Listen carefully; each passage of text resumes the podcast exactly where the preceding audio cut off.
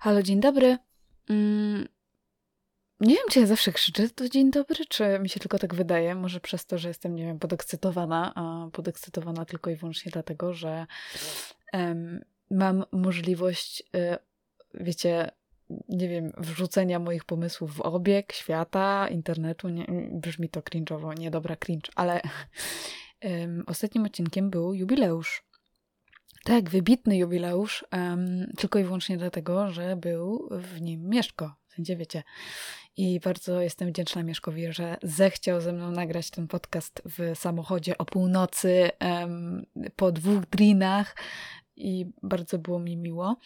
Mm, wiecie, dwa dni później, dosłownie wtedy, kiedy dodałam odcinek na Spotify, mm, to wylatywałam do Londynu 1 października i miałam takie ciężkie trzy tygodnie w sumie. Znaczy znalazłam pracę, zaczęłam chodzić na uczelnię, było zajebiście dziwnie, bo nie było mnie, wiecie, y, na uczelni fizycznie przez półtora roku. Um, no i tam poznałam jakichś ziomków, nie ziomków, w sensie ziomki. Takie, wiecie, konkubenci, jak w domu, wiecie o co chodzi, że widzę ich, powiem cześć, ale nie to, że rozmawiamy o swoich um, dramatach życiowych. O, w ten sposób. I zaczęłam chodzić do pracy, i przez ostatnie trzy tygodnie czuję się bardzo dziwnie, będąc w Londynie, tak jakbym była nie na miejscu. No mieszkam u babci, wiecie, mam jakieś żarcie, dach nad głową, wszystko spoko. Jest to piąta strefa, więc jak mam wykład o dziewiątej, a mam takie dwa, to muszę wstać, wiecie, o szóstej, no o szóstej wstaję zazwyczaj 6.55, ale dalej szósta. Um, I wy, muszę wyjść z domu gdzieś tak 7.30, 7.45, żeby zdążyć. No, um, przez ostatnie dwa tygodnie to tak na wiecie, na styk, szczególnie pierwszy tydzień, bo wstałam 7.30, um, no i wyszłam w przeciągu 10 minut. I ten. Niemniej jednak e, aktualnie przeżywam dość ciężki w sumie epizod depresyjny. Też zakończyłam terapię ponad miesiąc temu, już 5 tygodni temu. Um, I powiem szczerze, jest mi bez tego ciężko. Ale do tego wrócimy. Pamiętam, że w Alticumulusie lenticularise wspomniałam, tam trochę zrobiłam błędów, bo ja powiedziałam, że nie wiem, co to było, a że nie rozumiem, czy tam irytuje mnie, jak ktoś mówi, co tam, nie? Kompletnie nie o to mi chodziło. W sensie irytuje mnie to wtedy, kiedy nie mam z kimś w ogóle kontaktu, powiedzmy przez x lat czy miesięcy, i nagle ktoś, nie wiem, pisze do mnie, co tam. No, no hipopotam, no nie wiem, no co mam ci odpisać, no gdzie mam zacząć, tak? I czy mam taką ochotę w ogóle, bo tak to z ludźmi, z którymi mam bliski kontakt, czy tam normalnie gadam, no to jak najbardziej, co tam, co słychać, gdzie jesteś, co robisz, bla, bla, ale jest to w takim normalnym kontekście. Um, ale też w tym odcinku wspomniałam o tym, że miałam wyrwane dwie ósemki górne, no i wtedy czekałam na wyrwanie ósemki dolnej. No i wiecie, rozmawiałam z Mieszkiem, bo tak naprawdę Mieszko zrobił mój pantomogram, wykonał go, bo pracuje w przychodni stomatologicznej. No i tam gadamy i gadaliśmy o tolerancji na ból. No ja nigdy jakby nie pojmowałam, jakby nie, nie patrzyłam na ból w taki sposób. W sensie wiedziałam, że każdy, wiecie, przeżywa inaczej, czy dla kogoś może to być wiel jedna wielka afera, dla kogoś to jest pstryknięcie palcem. E, jakakolwiek sytuacja, w jakimkolwiek kontekście, ale rozmawialiśmy o zębach, no i mówił mi, że nie wiem, że czasami przyjdzie typ i siedzi 4 godziny, a tak naprawdę mógłby siedzieć dwie, przez to, że wiecie, skacze na fotelu, czy um, wydaje mu się, że go to boli, ale ma kurwa największą dawkę znieczulenia, więc nie ma w ogóle takiej opcji, żeby go coś bolało. No ja sobie tak pomyślałam, no ja jestem takim trochę mm, pacjentem e, chronicznym, to jest wzięłam angielskie słowo, czy to jest po, czy to jest po polsku? Chronic patient, um, to jest po angielsku, taki, który jest co jakiś czas, yy, wiecie, w szpitalu czy gdzie tam, a mi chodzi o przychodnię stomatologiczną, bo ja, jak miałam 3 lata, usunięto mi 8 zębów na przykład, bo wyszły z próchnicą, czy bardzo szybko dostałam próchnicy, a w Anglii nie leczą zębów mlecznych, mleczaków, zębów mlecznych? Tak, no mleczaki. Um, nie leczył tych zębów, więc mówili nam nie wampir w szkole przez 3 lata. Potem, wiecie, miałam aparat ortodontyczny, um, ale zanim miałam ten aparat, na przykład miałam dwa leczenia kanałowe, no mam cztery zęby leczone y, kanałowo, mam trzy zęby martwe, chyba mam plombę prawie w każdym zębie.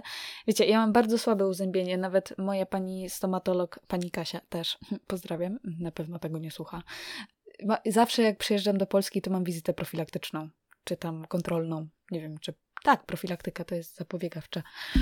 No i dobra, no, więc wiecie, jak ja idę do dentysty, to nie to, że wiecie, yy, sram w gacie, tylko no wiem, że idę i jakby nawet moja pani dentystka mówi, Kasia, może zamknąć trochę buzię, w sensie nie musisz tak szeroko, bo mi nie trzeba mówić szerzej. I ten, i do trochę srałam się o te ósemki, no bo ja mam też, na dole miałam, one się wybiły już, wiecie, na dole to tak trzy czwarte, na górze całe. I te na dole, one miały powykręcane korzenie i wiecie, ja tam poszłam i siedzę na tym fotelu, dostałam znieczulenie w trzech miejscach, wszystko fajnie.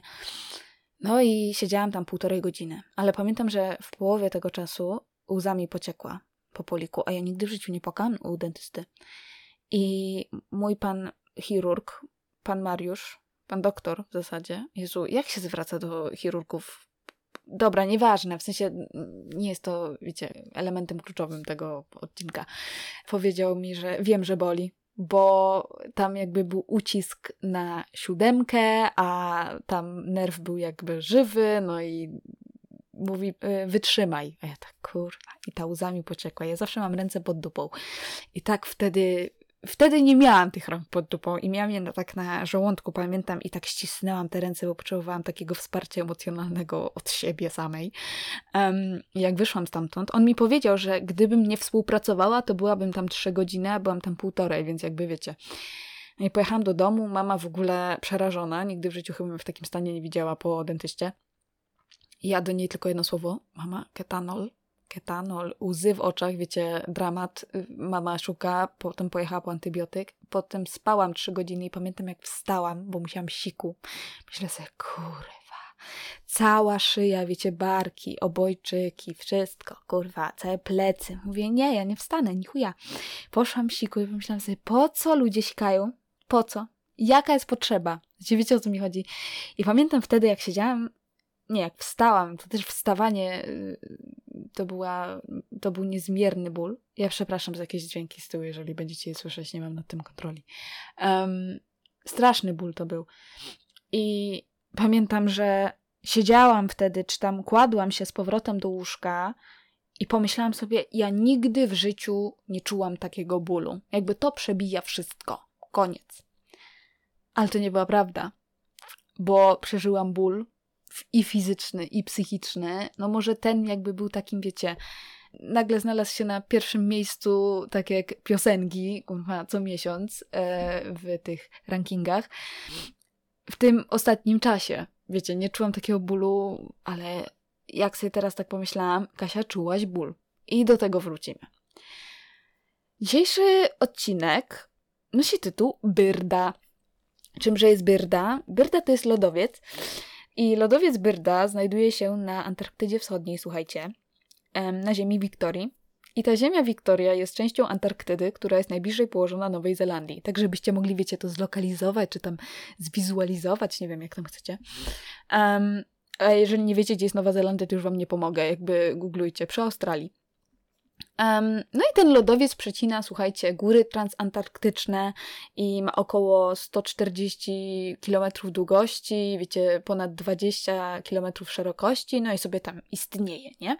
No i niby wszystko fajnie, wiecie, mamy wielką bryłę lodu, fajnie, fajnie, ale koło tych gór transantarktycznych, Jezu, jakie to jest długie słowo, koło tych gór transantarktycznych, w rejonie tego lodowca Byrda, um, zauważono taką głęboką dolinę. W sensie, że te góry są przecięte czymś, nie?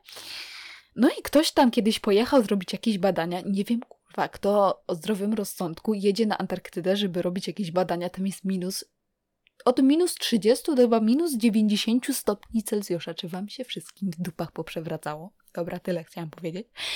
I, no i te badania wykazały, że podłoże skalne kontynentu, słuchajcie, obniża się w tym miejscu, w tym rejonie koło tego lodowca Byrda do 2870 metrów pod poziomem morza. I to jest najniższy punkt, jaki zmierzono gdziekolwiek indziej poza dnem oceanów. No of course, w sensie ja jak zawsze myślę o głębinach i o oceanie, to zawsze myślę o bajce, gdzie jest Nemo i wiecie, tam jest taki moment, gdzie Nemo się chyba zgubił i było ciemno jak w dupie i wtedy pojawia się ta ryba, kurwa, z tą żarówką taką na tym takim pręcie, ja nie wiem. Ta ryba wygląda jak trzy ćwierci do śmierci, bez kitu i ona się jeszcze tak uśmiechnęła chyba, czy to był ten rekin, który się uśmiechnął, nie wiem, ale ta ryba była przerażająca i ona była w takiej ciemnej dupie oceanu i zawsze wtedy myślę sobie, że ocean naprawdę jest głęboki. Wiecie, jak wyjdziecie do morza tam popłynąć, czy popluskać się, to to jest nic jak was fala trochę zmiecie. Dobra, nieważne. Niemniej jednak lodowiec Byrda jest największą kryptodepresją na świecie. I kryptodepresja e, to tak naprawdę zagłębienie terenu, które jest wypełnione przez wodę bądź lodowiec. No i którego dno jest poniżej średniego poziomu morza, ale ta powierzchnia może znajdować się nad poziomem morza, czyli lodowiec Byrda, bo widać ten lodowiec, tak? Dobra, koniec. I ja jak myślę o bólu, to nie wiem dlaczego zawsze wracam do zimna. Znaczy ja wiem dlaczego i ja już wam mówię. Nie wiem, czy znacie taką piosenkę, którą chcę wam zarecytować. I brzmi ona w następujący sposób. Spróbujcie zgadnąć tytuł, zanim wam powiem. Na zboczach gór biały śnieg nocą lśni i nietknięty stopą trwa. Królestwo samotnej duszy, a królową jestem ja. Posępny wiatr na strunach burzy w sercu gra. Choć opieram się, to się na nic zda. Niech nie wie nikt, nie zdradzaj nic, żadnych uczuć, od teraz tak masz żyć. Bez słów, bez snów, łzom nie dać się, lecz świat już wie. A czy wy wiecie, co to jest za piosenka?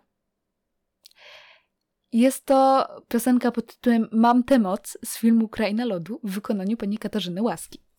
Um, I mówię o tej bajce z tylko i wyłącznie dlatego, że ja nie zaczaiłam ty tych słów. W sensie ja nawiązuję te słowa do depresji. Autentycznie. Lodowiec Byrda jest kryptodepresją, spoko, um, ale mam tę moc, y, jest o depresji i o wychodzeniu z depresji, bo później, wiecie, ona ma takie y, po prostu olśnienie i jest na tej górze i tryska tym lodem i buduje sobie mosty i wiecie, kurwa, tralalala.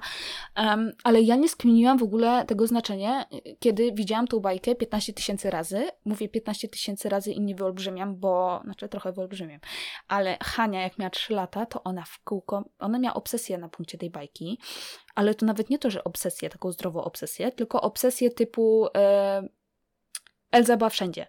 Babcia kupiła jej perukę, miała sukienkę z Elzą, taką wiecie, jak na bal karnawałowy. Miała buty chyba nawet z Elzą, skarpetki, majtki, bluzki, sukienki takie normalne do chodzenia, getry, kurwa, y, kurtkę zimową, czapkę, szalik, wszystko. Wszystko. I ja z Hanią po prostu, my mam tę moc, to normalnie moglibyście płacić nam, żeby przyjść na nasze przedstawienie, bo myśmy tam po prostu, wiecie, tańczyły i wszystko. I ja śpiewając tu piosenkę po raz setny, dalej nie skminiłam, że ona jest o depresji, mając depresję, czajcie? I jak wtedy pomyślałam z tą ósemką, że ja nie czułam bólu, czułam. Czułam. Tylko, że ja nie jestem wam w stanie wiecie, powiedzieć czegoś, co jest takie ciężkie do zrozumienia i ciężkie do wyobrażenia, bo jeżeli wam powiem, nie wiem, walnęłam się o kant, yy, powiedzmy, szafy, tak? Palcem, ale musiało, musiało cię to boleć, nie? Przedczasnęłam sobie palca, boli cię, masz krwiaka, Jezu, do, wszystko dobrze, złamałam sobie nadkarstek, o chuj, musiało boleć. Ale jak ja wam mówię, że czuję się tak, jakbym zrywał skórę um, jeśli muszę wstać z łóżka, albo że idę i nie rozumiem, co się dzieje wokół mnie, albo że czuję się tak, jakby ktoś mi wziął gardło i próbował je wyjąć ze mnie. Nie jesteście w stanie tego sobie wyobrazić. No jakby to takie, to jest abstrakcyjne, tak? To, to, to, to nie ma w ogóle jakiegośkolwiek prawa bycia. Nie wiem, dla, dla mnie to jest abstrakcja. Pamiętam, że jeszcze jak miałam terapię, ona trwała rok. Oj, akurat zaczął padać deszcz. Świetnie. Słyszycie? No jest to deszczowy odcinek. Moja terapia trwała rok, była jedną z najdłuższych terapii. Na mojej ostatniej rozmowie z panią psycholog ona mi powiedziała, że była mi pierwszą i ostatnią pacjentką, a była, wiecie, miała staż roczny um, w tej klinice. I było to ciężkie dla mnie, w sensie ona też podczas jednej z rozmów chyba do tego dążyłam, tylko straciłam trochę wątek przez ten deszcz i przez to wszystko. um, jakoś w czerwcu powiedziała, że choruje na depersonalizację. Też tak stwierdziła. No i depersonalizacja dla tych, którzy nie wiedzą, to jest takie poczucie, że jest się obcym we własnym ciele. No jest to trochę przerażające, bo wiecie, ja jak mam epizod depresyjny, to mam powiedzmy jeden dzień taki, jak mam zjazd taki. Um, to wstaję rano, patrzę na swoje ręce, ale wiem, że to nie są moje ręce. Mam wrażenie, że jestem obok swojego ciała, ale muszę używać swojego ciała, czyli wiecie, idę umyć zęby i mam takie, nie mogę podnieść ręki. Um, czuję, jak podnoszę nogę, to mam wrażenie, że to nie jest moja noga. Um, no i ja mówiłam o tym z takim spokojem i ja jej nie wspomniałam o tym wcześniej niż czerwiec, a miałam terapię od października. I ona mi powiedziała, Kasia, ale wiesz, że to jest depersonalizacja? Ja mówię, terminu nie znałam, ale jakby nie jest to na taką skalę, że wiecie, że muszę być leczona na to. I powiem, jest to dziwne. Pierwsze kilka razy to miałam takie co do chuja, ale teraz już jakby wiem. Um, większą świadomość tego. No ale ta depers depersonalizacja stricte to ona nie, nie sprawia mi bólu. Pamiętam, że też podczas terapii często moja psychoterapeutka mówiła, czy tam pani psycholog, ja już nie wiem, kurwa, tych terminów nie rozróżniam. A moja pani psycholog, zostańmy przy tym, powiedziała mi, że Kasia, musiało cię to boleć. Ja mówię, nie. To mnie wkurwiło. To mnie zdenerwowało. Mm, potrafiłam nazywać swoje emocje, ale zauważyłam, że jak jestem w epizodzie depresyjnym, tak jak teraz, nie potrafię powiedzieć nic. I potrafię dopiero nazywać swoje emocje wtedy, kiedy ten epizod minie. I wiecie, jak Elza śpiewa Królestwo samotnej duszy, a królową jestem ja, to ja jestem królową samotnej duszy, bo ja nie potrafię poprosić o pomoc. I to jest mechanizm obronny, który ja mam przez ostatnie 8 lat. Wiecie, poprosiłam o pomoc i tej pomocy nie dostałam. I myślę, że to mnie na tyle zabolało, że do tej pory, pomimo tego, że chcę poprosić o pomoc, to nie potrafię. I wiecie, miałam roczną terapię pod okiem psychologa. teraz mam jakby 6 miesięcy przerwy, dopóki mogliby mnie wpuścić na jakąkolwiek listę. I nawet pamiętam, że w końcu maja mówi do mnie, bo miałam co tydzień jakby tę sesję i mówi do mnie, Kasia, dobra, to będziemy teraz robić co dwa tygodnie. I pamiętam, że płakałam. I płakałam dlatego, że mnie to zabolało, ale nie w taki sposób, że wiecie, ja spostrzegałam moją psycholog jako moją przyjaciółkę. Tylko i tutaj jest bardzo taka dziwna rzecz, bo skończyłam oglądać You wczoraj. Um, I wiecie, tam jest aktorka, która gra Love. Ja uwielbiałam Love, naprawdę. To jest moja ulubiona bohaterka tej całej serii. Um, grana przez Wiktorię Pedretti. I obejrzałam wywiad, który był z nią na YouTubie, i on był o tym, jak mówiła o swojej wrażliwości. I wiecie, ten wywiad zaczął się tak, że, że była ubrana i w okulary, i w czapkę, z tego co mi się wydaje, czy ona miała kaptur, nie pamiętam, maskę, wiecie, kurtka, buty, wszystko. I ona po każdym pytaniu zaczęła zdejmować jakąś część ubioru, czyli najpierw zjęła maskę, potem okulary, potem kurtkę, wiecie, bluzę, czy tam sweter, nieważne. Zadawano jej kilka pytań. Ta pani, która przeprowadzała ten wywiad, zapytała się jej, co wyzwala u niej takie negatywne emocje w jej życiu osobistym, w jej życiu prywatnym, bo tam poruszały to, że wiecie, że e, nie dodaje postów na Instagrama, bo ma wrażenie, że nie chce ludzi zawieść i nigdy nie myślała o tym, że będą ją ludzie obserwować i że każdy ma pewnie jakąś taką wymyśloną historię o niej. I to cokolwiek ona da tym osobom, to oni to wpasują do swojej historii o niej. I ona nie potrafi sobie poradzić z tym, że że nie wiem, że zawiedzie ludzi, czy że pokaże jakąś taką stronę siebie, która um, nie jest taka, jakby ktoś by chciał, tak? Który się nie wpasuje do, nie wiem, yy, oczekiwań społeczeństwa. No i wracając do tego, co wyzwala te negatywne emocje w życiu osobistym, powiedziała, że nawet nie fizyczne takie opuszczenie, tylko opuszczenie emocjonalne że ktoś ją zostawi, albo że ktoś tam jest, ale tak naprawdę go tam nie ma. I pamiętam, że jak ona to powiedziała, to zakuło mnie w środku, a oglądałam to wczoraj. I wiecie, mówiła o tym, że jak ona pokaże część siebie, która jest bardziej taka intensywna, wiecie, że nie wiem, to, że jest jej przykro, czy że, nie wiem, ma stronę taką szaloną, no ja tego nie wiem, bo, bo nie znam e, jej osobiście. Ale nawet na swoim przykładzie mogłabym powiedzieć, że też mam takie części siebie, które boję się pokazywać. Um, nie wiem, to, że śpiewam cały czas i wiem, że to może wkurwiać, albo że e, jestem bardzo, bardzo chaotyczną osobą i że rozpiździaj mam wszędzie. Już moja babcia mi powiedziała, że musisz sprzątać garnuszki, to tamto, siamto, a ja lubię mieć, tak jak Okuniewska mówi, festiwal e, kubków i talerzy. Um, I mówiła o tym, że boi się, że pokaże tą część siebie i ktoś ją zostawi. I wtedy, jak moja pani psycholog powiedziała, że robimy em, zajęcia co dwa tygodnie, to pamiętam, że zaczęłam płakać. I to było właśnie przez to, że nie chciałam, żeby ona mnie zostawiała. Myślałam, że to jest moja wina, że ona mnie zostawia, że dlaczego e, ją wybłagałam o to, czy możemy jeszcze zrobić czerwiec co tydzień. No i wiecie, temat ucich. Mieliśmy tam co tydzień te zajęcia, znaczy zajęcia, te rozmowy w czerwcu i nagle ona do mnie mówi do zobaczenia za dwa tygodnie. Ja tak co? A no mówiłyśmy, że czerwiec. I, ja, I mówi, że ja to robię dla twojego dobra, żebyś się ode mnie odzwyczaiła. Wszystko super, wszystko fajnie. Pamiętam, że to trochę tak dziwnie przyjęłam, ale mówię, dobra, zobaczymy. No i było ciężko, ale pamiętam, że w lipcu, czy już w sierpniu, powiedziałam do niej, że ja nie wiem, o czym my rozmawiałyśmy tak co tydzień. I pamiętam, że jak byłam w Polsce, byłam w takim stanie, nie wiem, kurwa. Yy... Nie wiem, jak to nazwać. Byłam w takim szczęśliwym miejscu. Nie wiem, życie nagle trochę nabrało koloru w pewnych momentach i miałam takie, Jezu, przecież ja nie mam depresji. Czym jest depresja? Bo ja jej dawno nie widziałam. Jakby, gdzie ona wyjechała? Nie wiem.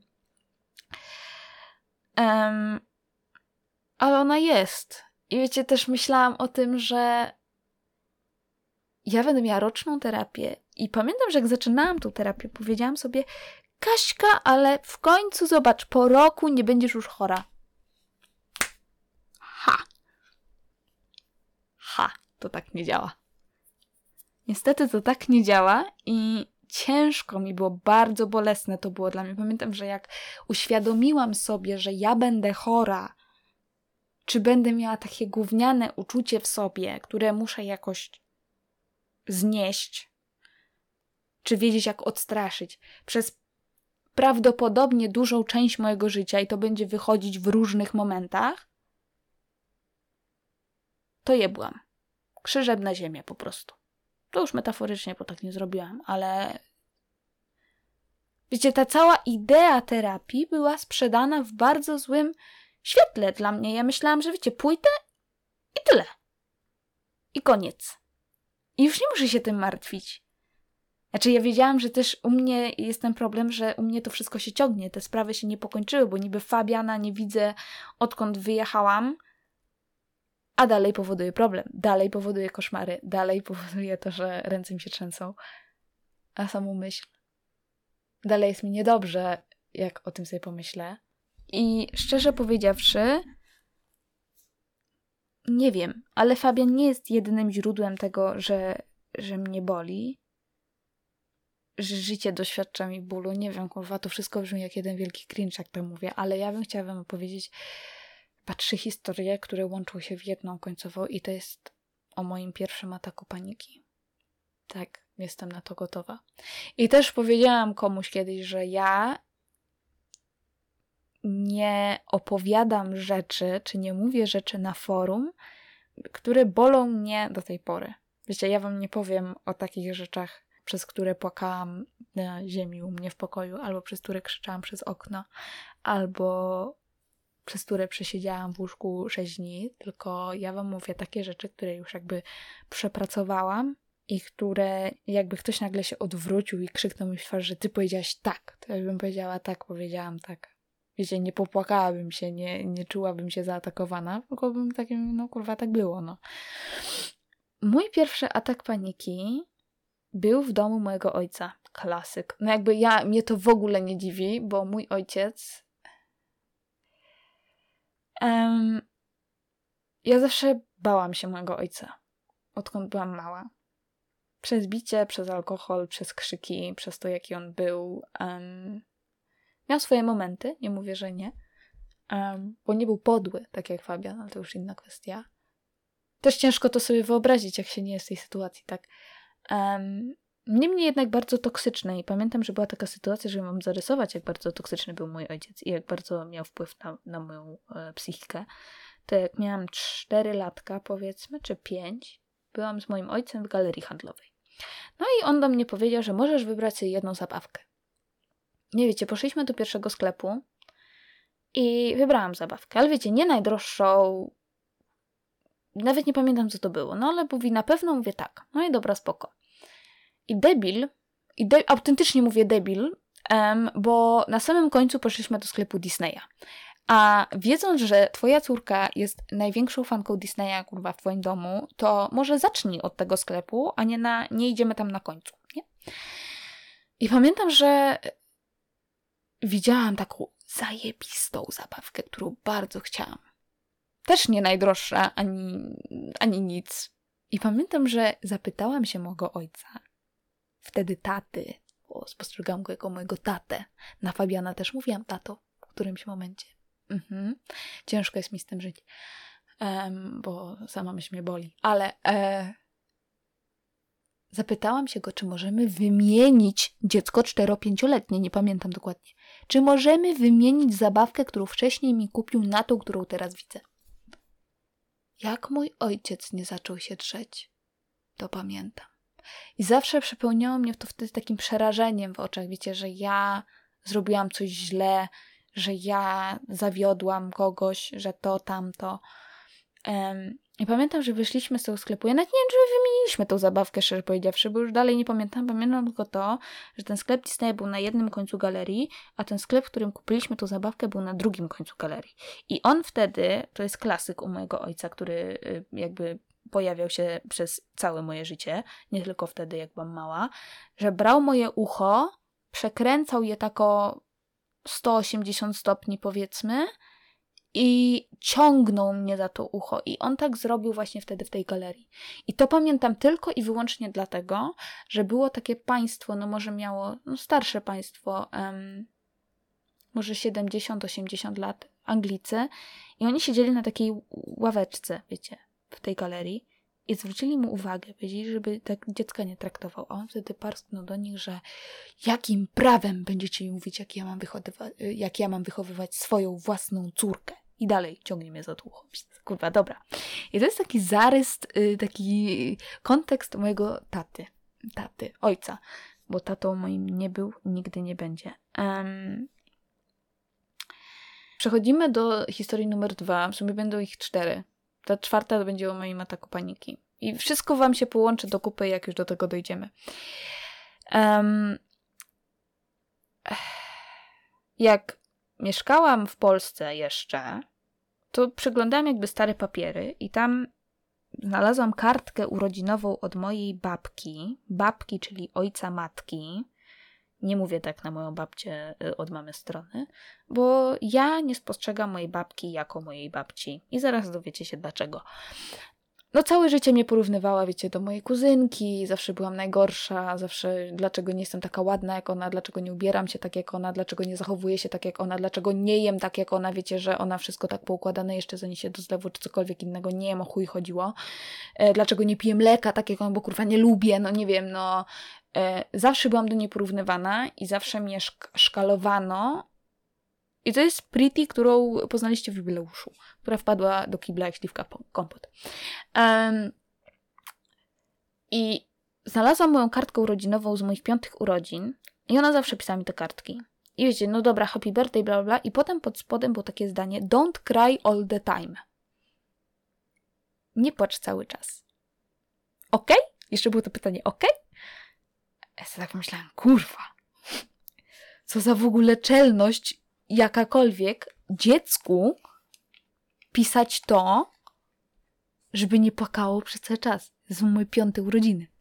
I ja płakałam, fakt. Nazywano mnie crybaby ze strony mojego ojca, bo ja płakałam cały kurwa Boży dzień, bo nie chciałam tam być. I nikt nigdy nie pomyślał, dlaczego ona tak płacze. Nichuja, nie, stop. Historia numer dwa zakończona, idziemy do historii numer trzy. e, w grudniu 2011 albo 2012 um, pojechałam do ojca na święta. Ja do mojego ojca na święta jeździłam co dwa lata um, i to jakby zostało w mojej pamięci przez to, że pamiętam, że chciałam pojechać do babci dzień wcześniej niż planowano. Bo ja zawsze do babci, no jak byłam u ojca na święta, to ja nigdy u niego na święta tak naprawdę nie byłam, bo Wigilia, Boże Narodzenie zawsze byłam u mojej babci od mamy strony. Wiecie, Estera była i wszystko i, i, no mój ojciec nie, nie obchodził świąt po prostu, tak? No, Hindusi nie obchodzą świąt Bożego Narodzenia. Um, a wiecie, ja chciałam pierogi i barszcz, a u mnie u babci zawsze jest grzybowa. Zajebiście. Um, i, I, no i chciałam po prostu przyjechać dzień wcześniej, żeby, nie wiem, po, pomóc kroić sałatkę jarzynową czy co. I to był też ten rok, gdzie wszystkie jarzyny były w śmieciach, bo nie umiałam obierać tych jarzyn. Wiecie, jak to się gotuje, kurwa, ciężko to obrać. No i wszystko było kwadratowe, jak to obrałam. Ale chciałam właśnie pojechać 23 dzień przed Wigilią. I pamiętam, że mój ojciec, byłam w kuchni wtedy z moim ojcem i mój ojciec zaczął krzyczeć. A zawsze jak słyszę krzyk, jak wiecie, wyczuwam strach, przez to, że ktoś na mnie krzyczy, to ja zawsze mam łzy w oczach. Jakby to jest klasyk u mnie. Klasyk. Wykrzyczy, zacznie się na mnie się drzeć, ja kurwa będę ryczeć. Koniec. Um, z frustracji. Też zależy, kim jesteście, bo jeżeli jesteście w błędzie, to mam was w dupie, ale jeżeli. Yy, znaczy, w błędzie takim, że. Wiecie, nie czuję się atakowana przez was w taki sposób, że. Sumie nie wiem, jak to wytłumaczyć. Nie ma na to logicznego wytłumaczenia. No ale byliśmy tam i mój się zaczął się drzeć, wiecie, jedną mnie tam o szafki, klasyk też, drugi, no i dobra. Koniec końców on się nie zgodził, że ja ci kupiłem bilet, jak ty śmiesz, coś tam, no, no wiecie, wszystko chodzi o pieniądze u mojego ojca. I siedziałam przy stole um, w jadalni, bo kuchnia była otwarta na jadalni i salon i przyszła jego matka. I ta matka, pamiętam, że ja płakałam i zakrałam jakby oczy rękoma. I ta matka wtedy wzięła aparat fotograficzny, który, który leżał na stole i kazała mi pokazać twarz. I czy kumacie to, że ona zrobiła mi zdjęcie, jak płaczę, z lampą. Potem, kurwa, potem miała czelność wejścia w galerię, odwrócenia tego aparatu w moją stronę, pokazania mi tego zdjęcia i powiedzenia: Zobacz, jaka jesteś brzydka jaka ty jesteś niewdzięczna, że twój ojciec cię tutaj wziął do siebie. Że twój ojciec musi na ciebie patrzeć w takim stanie. Jak ci nie wstyd? Ha? Historia numer 3 zakończona. Nie pamiętam, co jej powiedziałam. Ale dziecku 11-12-letniemu, czy tam 12-13-letniemu, no dajcie spokój. Jak miałam lat 16, to był. Yy, to było lato. Byłam u mojego ojca i przyjechała Karolina. Karola była w Londynie i traf chciał, że była 20 minut ode mnie autobusem, powiedzmy, i była u cioci, i wiecie, ona tam pomagała cioci, siedziała z siostrzeńcem czy siostrzenicą, nie pamiętam. Mm. No i miałyśmy się umówić, wiecie, miałyśmy pojechać do centrum, ale nie nawet nie pamiętam, czy się spotkałyśmy koniec końców. Bez kitu wymazałam tu z pamięci oprócz tego jednego wydarzenia, o którym zaraz usłyszycie. I ja powiedziałam mojemu ojcu, że no Karolina może w ten i ten dzień coś tam, że, yy, że czy ja mogę się z nią zobaczyć. I on powiedział, ona nie będzie decydować, kiedy ty się będziesz z nią widzieć, tylko ja będę o tym decydował. Myślę sobie, kurwa, kim ty jesteś? Siedzę w domu 24 godziny na dobę przez 7 dni w tygodniu. Nie mogę wyjść nigdzie. I on też powiedział, dlaczego ona tutaj nie przyjdzie. I ja nigdy nie przeprowadzałam moich znajomych do, ani do ojca, ani razu. Nie byli nigdy w domu. E, no, kto miał być, kto. Ale nawet w Polsce, u mnie w Polsce w domu były łącznie trzy osoby, a mieszkałam tam 12 lat. Może na moje urodziny, które mama mi wyprawiła chyba 11 i 9 miałam wyprawione, ale wtedy nie było Fabiana, a tak to ja nigdy nikogo nie przeprowadzałam. Nigdy. Nie. A mnie to było no, no, no, no, nie, bo ja nie chciałam stawiać ludzi w toksycznym miejscu. Nie chciałam ich narażać na to. Nie chciałam być współwinna za to, co się mogłoby stać. Nie chciałam tego. Um, pamiętam, że się z nim kłóciłam. I pamiętam też, że mama zawsze mówiła takie: Nie bój się go. Babcia też, nie bój się, Kasia, przestań się go bać, coś tam, powiedz mu coś w końcu. Jest taka piosenka z Alladyna, z tej nowej wersji um, z aktorami, to wiecie, nie kreskówka. I tam jest piosenka pod tytułem Speechless i tam jest I won't go silent, you can't keep me quiet. Bla, bla, bla.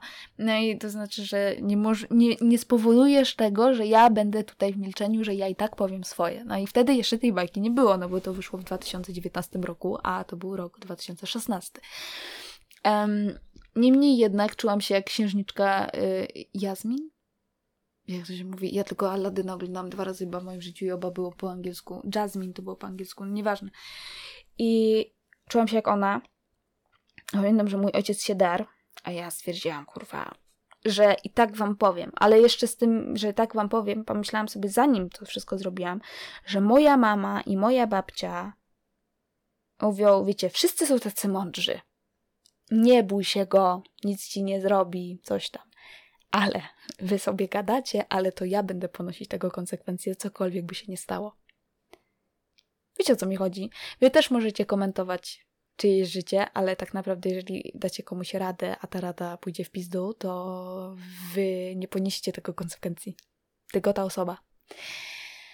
I pamiętam, że to miałam też z tyłu głowy, myślę, kurwa, drzeć się czy nie drzeć I wtedy on się dar. I ja zawsze buduję taki mur, żeby siebie chronić. Taki mur, który, w którym tylko jestem ja. I to jest jak mam epizod depresyjny. Klasyk. Z nikim nie rozmawiam. Um, I zbudowałam ten mur i mówię, chuj, wspinam się.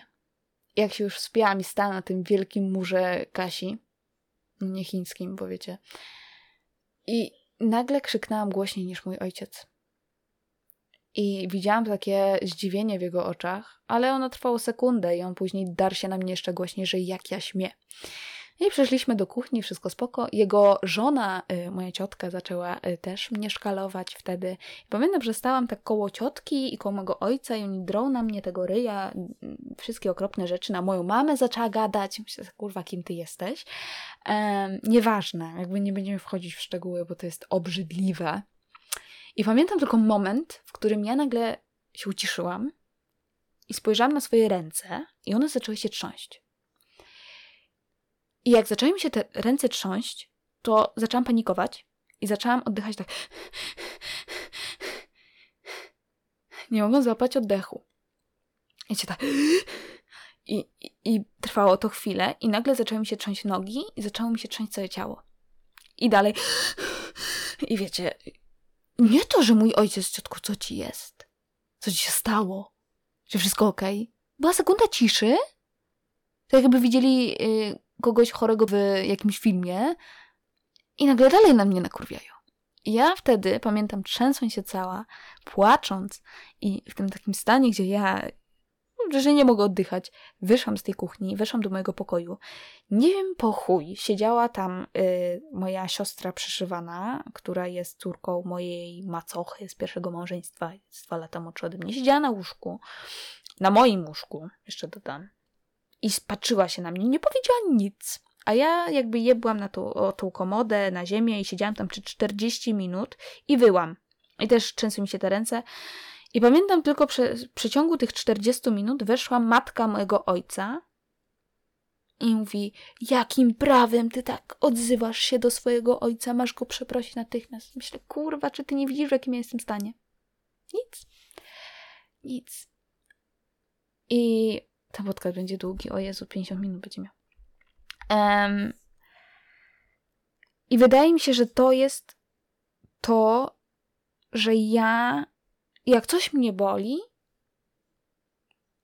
i jak jestem w stanie tego depresyjnego, wiecie, tej aury depresyjnej wręcz, nie potrafię tego powiedzieć, bo boję się tego, co mi się przytrafiło.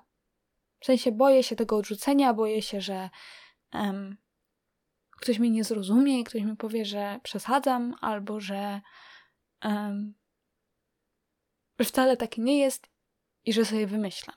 O Jezu, głos mi się łamie.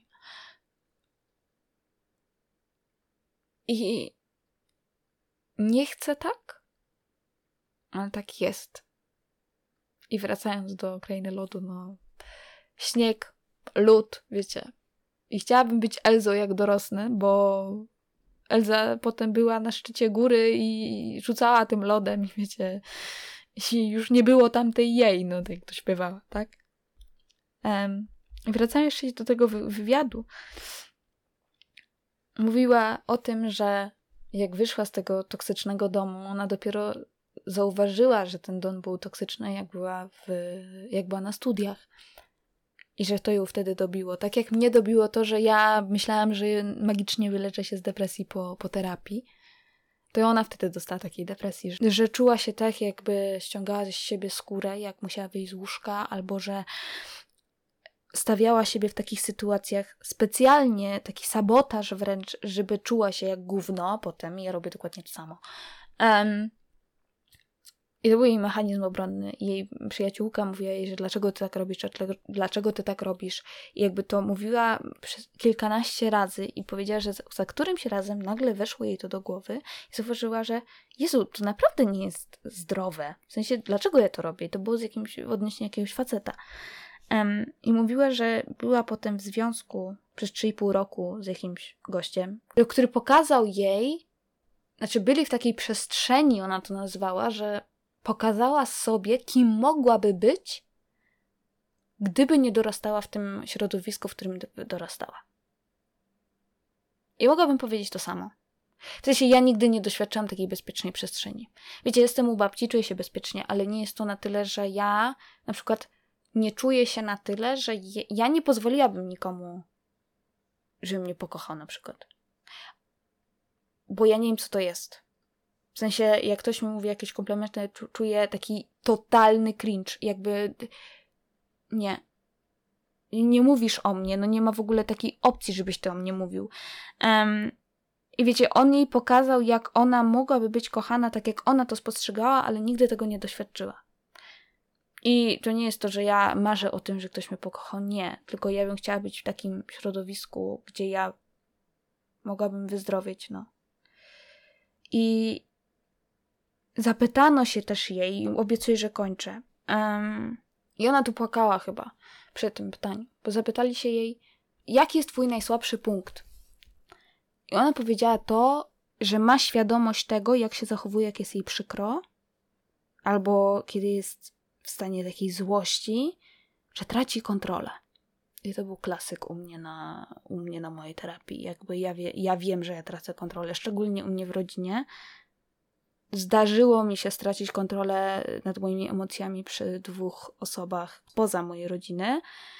I wtedy Wiktoria nawiązała do tego, że przez to, że ona wie, co ona przeżyła, to to powoduje taki punkt w niej, że te, tą kontrolę traci i świadomość tego, że mogłaby wyrządzić taką krzywdę komuś bliskiemu czy komukolwiek, ją przeraża.